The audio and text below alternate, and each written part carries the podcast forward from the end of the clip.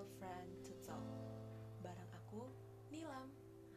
Topik podcast yang bakal aku bawain kali ini adalah tentang self-acceptance. Pasti banyak di antara kita yang belum bisa menerima diri sendiri secara utuh. Emang gak mudah sih untuk mempraktikkan self-acceptance di kehidupan kita. Apalagi di zaman sekarang ini segala kegiatan bisa diunggah di sosial media, sehingga kita sering membanding-bandingkan diri kita dengan orang lain. So, kita bakal ngobrolin tentang self-acceptance. Yuk, langsung aja. Sebenarnya, banyak sekali mitos tentang self-acceptance, tapi aku bakal highlight yang satu ini. Akhir-akhir ini, aku sering dengar bahwa orang-orang mengartikan self-acceptance sebagai bentuk menyerah dengan keadaan.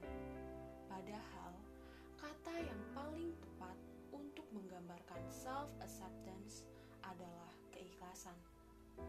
Ikhlas artinya menerima keadaan secara penuh. Bahwa ada hal-hal di hidup ini yang dapat kita ubah dan ada hal-hal yang tidak dapat kita ubah. Karena tidak semua hal di dunia ini bisa kita kontrol.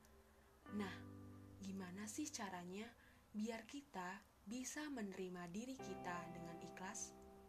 Jujur, aku pun terkadang masih membanding-bandingkan diriku dengan orang lain merasa bahwa orang lain lebih beruntung, yang akhirnya bisa membuat semangat di diri sendiri menjadi berkurang.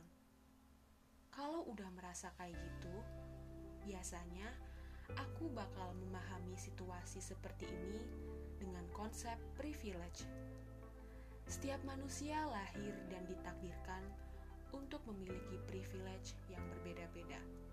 Orang lain mungkin memiliki pencapaian yang luar biasa yang aku dapetin. Orang lain mungkin bisa mendapatkan semua yang mereka mau, sedangkan aku enggak. Tapi tentu aja sebenarnya kita semua memiliki privilege masing-masing dalam bentuk apa pun yang patut disyukuri. Untuk merasa oke okay dengan diri sendiri, dalam artian mencapai self-acceptance, aku biasanya menunjukkan rasa sayang pada diri sendiri atau bisa disebut dengan self-compassion. Sayangi diri kita sendiri seperti kita menyayangi sahabat dan orang terdekat kita.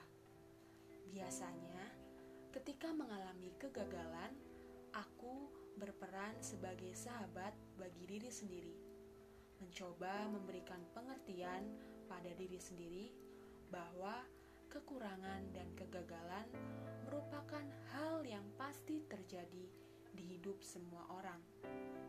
Kita harus mendampingi diri sendiri untuk merasakan kesedihan, kemarahan, dan rasa frustasi yang kita alami, serta harus memaknai semua kejadian jika ada sesuatu yang berkaitan dengan self-acceptance, yang perlu kita perhatikan adalah pada kata pertamanya, yaitu self. Lihatlah diri kita sebagai diri yang utuh, mampu memperhatikan, mengidentifikasi, dan mengakui kebaikan yang ada pada dalam diri kita. Biasanya, Ketika kita sudah bisa mencapai self-acceptance, ada saja hal-hal yang bisa merusaknya. Salah satunya adalah tekanan sosial. Contohnya, seperti ketika teman-teman kita sudah sukses, kita merasa bahwa diri kita tidak ada apa-apanya dibandingkan dengan mereka. Padahal, di balik kesuksesan pasti ada kerja keras yang nyata Sumber tekanan sosial datangnya bisa dari mana saja, dari keluarga, teman, dan bahkan sosial media. Perlu diingat bahwa semua yang diunggah di sosial media hanyalah sebagian kecil dari kehidupan seseorang. Nah, teman ngobrol, aku punya sedikit tips untuk kalian agar bisa mencapai self-acceptance. Tips yang pertama adalah kenali diri sendiri. Kita harus bisa mengenali setiap kelebihan dan kekurangan yang ada pada diri sendiri. Dengan cara ini, tentu akan lebih memudahkan kita dalam mencapai self-acceptance. Tips yang kedua, pahami lingkungan sekitar. Seperti yang udah aku jelasin tadi, tekanan sosial itu nyata. Sehingga kita perlu memahami setiap orang yang ada di sekitar kita. Apakah mereka memberikan dampak positif atau malah sebaliknya, dampak negatif? Tips yang ketiga, mencoba menerima kegagalan. Karena tidak semua kegagalan berdampak buruk pada kita. Jadi, jangan langsung jump to the bahwa kegagalan adalah akhir dari segalanya. Tips keempat, memaafkan diri sendiri. Mencoba mengerti bahwa hal-hal di masa lalu tidak dapat diubah, tetapi kita bisa memperbaikinya. Maafkan diri sendiri dengan semua kekurangan yang ada. Dengan itu, proses menuju self-acceptance akan lebih mudah. Memaksakan diri untuk menjadi orang lain hingga kapan pun tidak akan pernah berhasil. Setiap manusia diciptakan dengan kelebihan dan kekurangan masing-masing.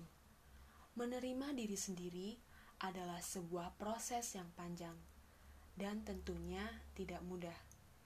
Be kind to yourself Penerimaan diri bukan berarti menutup-nutupi kebenaran.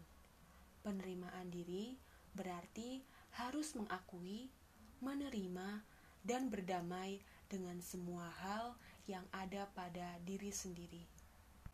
Melalui penerimaan diri atas segala hal yang terjadi adalah proses menuju bahagia dan kedamaian tanpa mengusik orang lain.